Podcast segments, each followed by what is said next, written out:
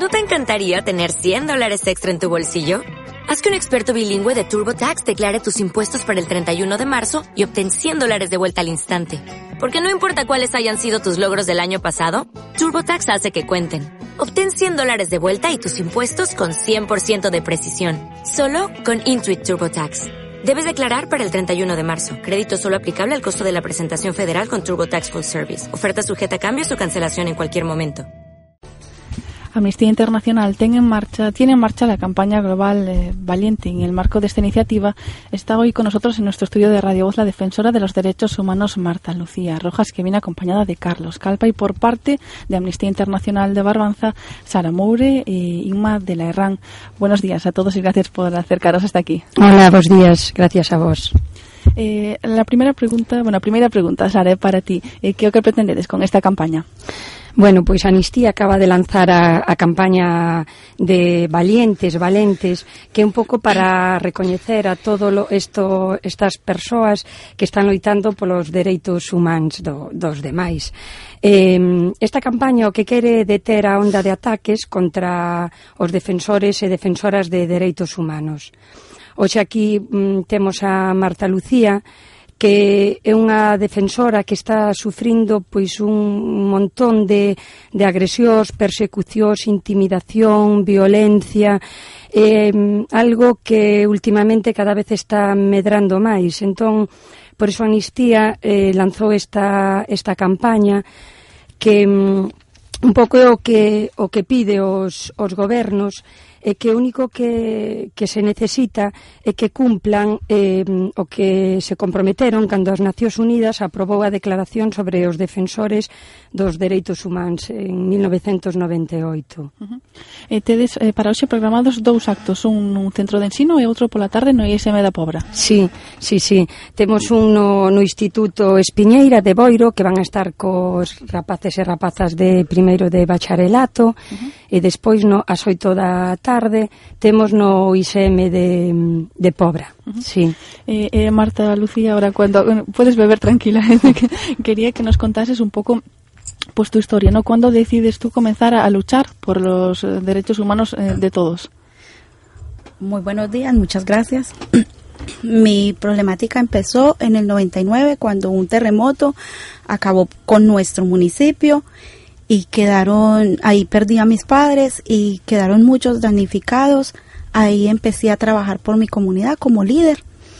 Eh, eh, yo gestionaba de que la comida le llegara a los abuelitos, a los niños, a las madres cabezas de hogar que quedaron solas en el municipio después del terremoto.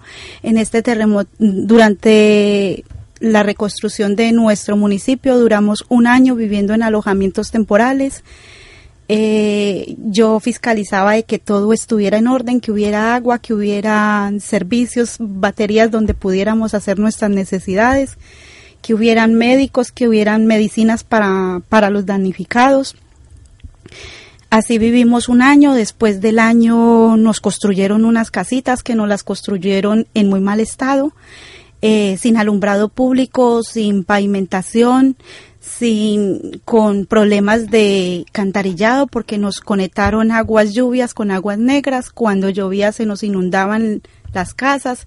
Empezaba a salir toda la materia fecal por los lavaplatos lavamanos. Era asqueroso. Eh, así vivimos 10 años. Después de los 10 años hubo había que legalizar una junta de acción comunal porque había había muchos recursos para mejoramiento de vivienda y para las necesidades que necesitábamos en nuestro barrio y en nuestro municipio, pero se necesitaba la Junta de Acción Comunal, que no había Junta de Acción Comunal porque en el departamento del Quindío, en Colombia, no, no quieren las Juntas de Acción Comunal porque nosotros trabajamos por la comunidad y, y a veces destapamos cosas que no quieren que destapemos. ¿Cuáles eh, me que fueron los, los eh, mayores eh, logros que tuvo la Junta? pues los logros que se obtuvieron, pues allí ya, pues como les venía diciendo, ahí mi comunidad me eligió como presidenta de, de acción, mm, como presidenta de Junta de Acción Comunal, porque conocían mis capacidades y veían que era capaz con esto. Entonces allí hay, los logros que tuve fueron las pavimentaciones de las calles, el, el, todas las obras que habían para, para nuestro barrio, todo eso se logró, que fueron los logros. También empecé a gestionar por un comedor comunitario, empecé a cocinar en las calles. Fue así como la señora gobernadora me dio una dotación para que yo pudiera darle el almuerzo, el desayuno a los niños que estaban tirados en la drogadicción y a los abuelitos de, nuestro municipio. Eh, debido a todas las gestiones que se hacían en grupo con mis otros compañeros líderes comunales, logré que nos dieran el, el lugar donde yo les podía dar dignamente un desayuno caliente y un almuerzo caliente a los abuelitos y a los niños de nuestro municipio. Eh, imagino que todo este movimiento que generasteis eh, incomodaba a, algunos, eh, pues no sé cómo llamarlos, sectores o no sé. Sí, señorita. debido a esta gestión que se hacía, todo iba muy bien. A mí me daba muchas fuerzas porque yo había ya logrado mucho empecé a, rescatar niños de, la calle, de la drogadicción, y ahí fue donde el señor alcalde nos, nos dio como tarea a todos los presidentes de Junta de Acción Comunal de recuperar los polideportivos que estaban invadidos con gente del narcotráfico. Entonces fuimos a querer recuperar los polideportivos. Ahí fue donde nos encontramos con todo el acoso que he sufrido. Eh, durante la recuperación del polideportivo se encontraron drogas, se encontraron armas, pero entonces antes de recuperar el polideportivo nosotros fuimos donde el señor alcalde y dijimos que era imposible recuperar porque esta gente estaba adueñada de los polideportivos. Entonces el señor alcalde dijo, no, imposible no porque esto es del municipio y hay que recuperarlo.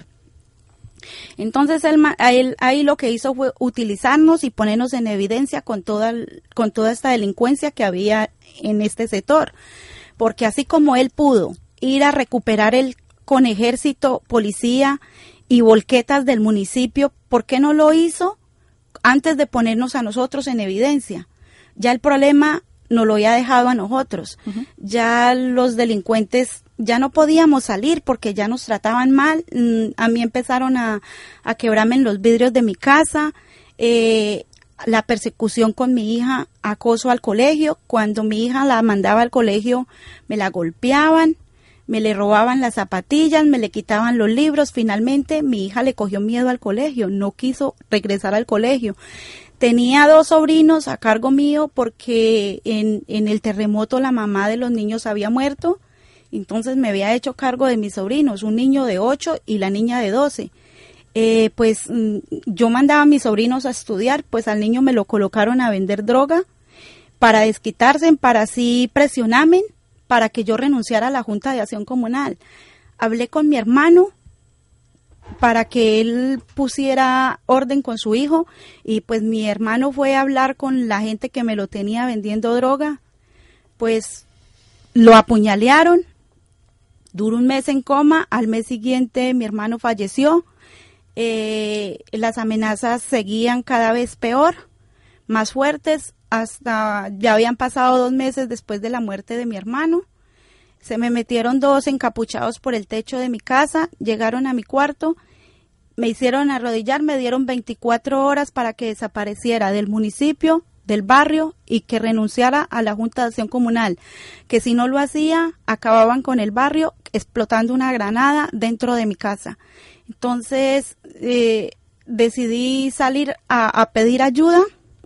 Fue cuando fui a pedirle ayuda al señor alcalde y el señor alcalde lo que me respondió fue que no habían recursos para ayudarme y que yo no me podía ir de mi casa porque eso era darle pe a los delincuentes, pero no me daba una protección ni una solución.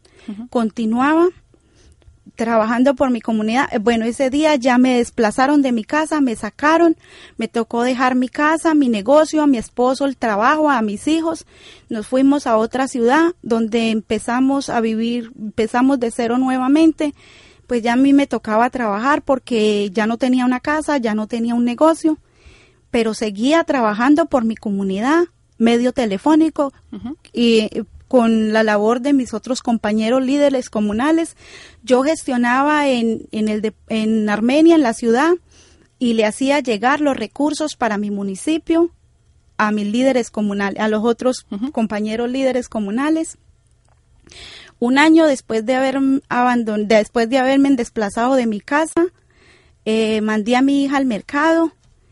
Eh, al, pues encontraron a mi hija y mi hija, me la apuñalearon ya a mi hija le tocó decir dónde estábamos viviendo y dónde trabajaba yo. Para ese entonces había, estábamos en cosecha de café, pues yo estaba recolectando café y mi esposo también. Pero yo estaba en una parte y mi esposo estaba en otra. Eh, yo salía a las 4 de la mañana a recolectar café, llega, regresaba a las 6 de la tarde a mi casa, pues me esperaron en el camino. Mm, cuando regresaba a mi casa, pues eh, me cogieron y me metieron al cafetal, me, me, dieron una golpiza, me dejaron inconsciente, me cortaron el cabello, me violaron, eh, me dejaron un mensaje que eran las águilas negras y que le dijera al otro líder comunal, que era el que teníamos con la escuela de, de, formación, porque logramos tener una escuela de formación para los niños de la calle, los niños que estaban tirados en la, en la drogadicción, que eso me da orgullo decirlo, porque pues igual toda mi tragedia y toda la muerte de mi hermano y la de mi compañero no quedaron, no fueron en vana, porque a lo menos sacamos algo bueno de todo esto, que eso me da un orgullo poderlo decir. Y Marta, disculpa que te interrumpa antes, eh, porque se nos está acabando el tiempo antes de, terminar. Yo quería preguntarte eh, qué podemos hacer nosotros desde aquí una vez que, pues, normalmente no tenemos eh, conocimiento, ¿no? De, lo que pasa.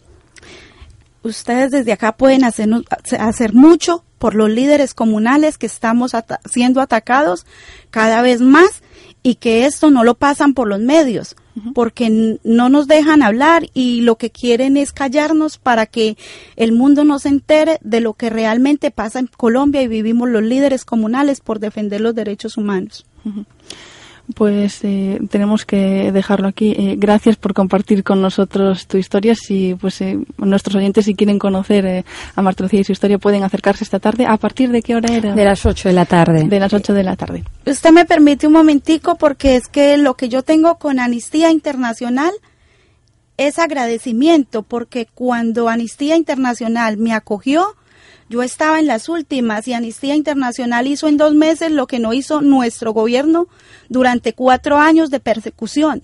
Entonces, doy gracias a Amnistía Internacional porque en este momento estoy en un tratamiento psicológico, psiquiátrico y con dermatólogo, porque a, la final me tiraron ácido y, pues eh, si yo estoy en este momento dando este testimonio y con la ayuda de ustedes para que el mundo entero se dé cuenta de todo lo que estamos viviendo los líderes en eh, comunales en Colombia es gracias a Amnistía Internacional que nos que saca, eh, acoge líderes y personas que estamos en, en peligro de muerte en nuestro Colombia. Muchísimas gracias, señorita, y a todos los oyentes que me estén escuchando. Que Dios los bendiga. Pues nos, nos quedamos con ese agradecimiento. Recibe también el nuestro y gracias eh, por ser tan valiente. Muchas gracias. Gracias. Buenas tardes.